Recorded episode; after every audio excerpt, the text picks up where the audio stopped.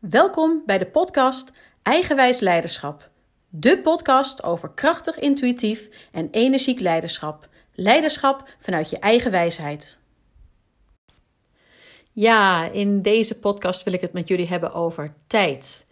Want hoe vaak krijg ik wel niet de vraag van mensen die zeggen: waar haal ik de tijd vandaan? Waarom zitten er niet meer uren in een week? Waarom zitten er niet meer uren in een dag? Ik moet nog zoveel doen. Ik heb geen tijd om iets uit te werken. Allemaal vragen die ik regelmatig hoor. Maar wat nou als je nou omkeert? Waarom moet het allemaal nu? Waarom moet het allemaal snel? Moet het überhaupt? Moet jij het doen of kan ook een andere doen? En wat gebeurt er als je het niet doet? Wees eens recalcitrant en test het uit. Ik herken het namelijk wel en over het algemeen ben ik zelf ook altijd wel van het snel. Nog snel even dit doen, nog snel even dat. En ik wil ook graag processen versnellen. Maar daar ben ik de laatste toch wel weer achter gekomen dat het niet altijd zo werkt. En begin uh, 2020 uh, kwam ik overwerk thuis te zitten. Maar in het begin dacht ik dat ik er wel mee met een weekje zou zijn. En ik kwam er eigenlijk pas tijdens die week achter hoe moe ik was. En dat het weekje misschien wel niet genoeg was. Nou, misschien een maandje dacht ik al. Maar goed, je raadt het al. Het bleek veel langer te duren totdat mijn energie weer op peil was. Het was ook de, eerste, de periode van de eerste lockdown. En op zich fijn zou je denken dat je dan thuis zit. Maar ik had daardoor ook een kind dagelijks thuis die aandacht nodig had. En die ik aan zijn schoolwerk moest zetten. En wat nou als ik dat niet deed? Nou, het grappige was wel dat ook wanneer ik hem niet aanspoorde, het best goed ging. Maar ik had niet, zo niet zoveel tijd voor mezelf. Nou, die periode heeft me veel inzichten gegeven en mijn inspiratie begon langzaam ook weer te stromen. Ik had de rust om uit te vinden waar ik energie van kreeg en waar ik totaal op leeg liep. Uh, ik zag, zocht de natuur op en ging eigenlijk naar mijn lijf luisteren.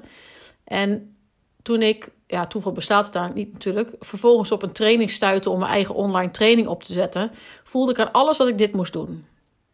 Ik wilde eerst eigenlijk nog even met iemand bellen om te gaan sparren van, goh, uh, wat denk jij? Is het iets voor mij?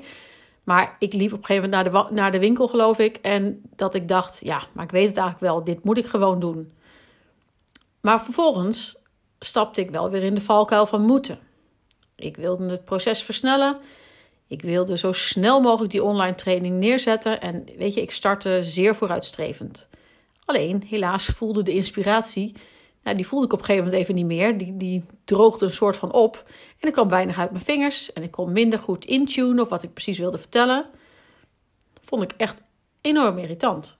Maar nou ja, ik heb me er uiteindelijk aan overgegeven. En ik heb losgelaten dat het programma al binnen een paar maanden moest staan eigenlijk losgelaten dat, dat mijn eigen deadline was. Of nou, het was mijn eigen deadline. En ik heb dus losgelaten dat het, uh, dat het dan moest, af moest zijn. En als ik mezelf dus ook die, die slimme vragen stelde: moet het nu echt al af? Wat gebeurt er als ik het niet doe? Et cetera, et cetera.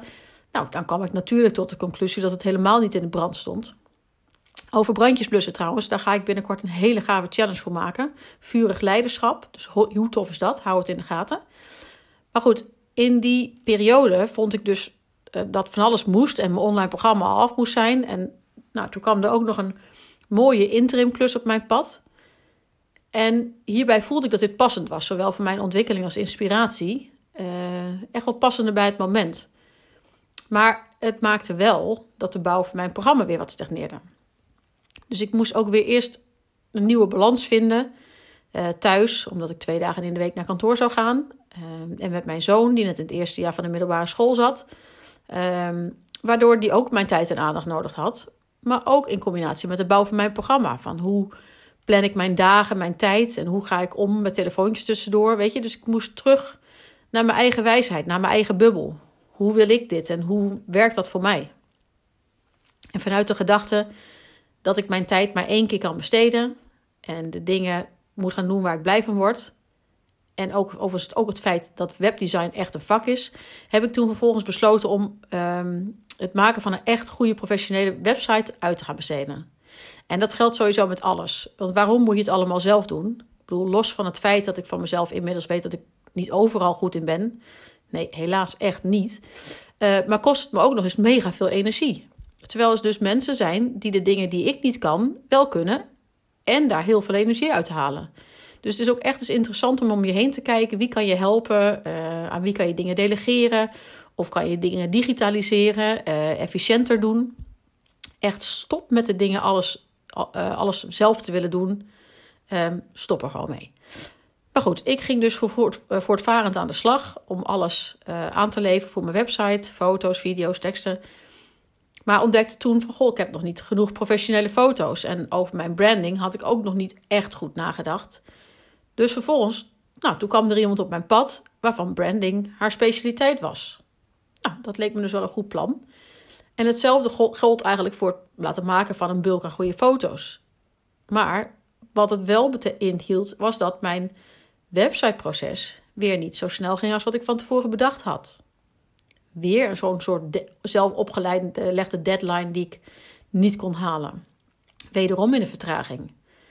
Maar ook daar, nou ja, het kon natuurlijk niet anders, maar heb ik me aan overgegeven. En hoe gaaf is het dan om te zien dat vervolgens alles op mijn website klopt? Dat het goed is dat ik die keuzes gemaakt heb. Dat het blijkbaar het tempo was wat bij het proces hoorde. Ik ben er sowieso ook van overtuigd dat niets zomaar zo is en niet zomaar zo loopt. Kijk, als je niet naar je lijf luistert, gaat het haperen. Ik zeg dan ook vaak van eerst gooit het leven kiezelsteentjes naar je, maar als je er niet luistert, dan worden het bakstenen. Je kan dus maar beter van tijd tot tijd even zelf reflecteren. Doe ik de dingen nog zoals ik zou willen doen? Kan het langzamer? Wil ik het anders? Je kan zo'n reflectie zelfs inplannen. Ik bedoel, wekelijks of maandelijks. En sowieso, dat is misschien ook wel iets leuks. Kijk, het is nu de herfst. En de herfst staat in principe voor loslaten. Dus net als de blaadjes aan de bomen. Die worden natuurlijk in de herfst altijd, uh, laten de bomen de blaadjes weer los. Maar wat kan jij nu loslaten? Waar zou je afstand van kunnen nemen? Zodat je weer nieuwe ruimte gaat krijgen voor nieuwe groei. Nieuwe blaadjes aan jouw boom.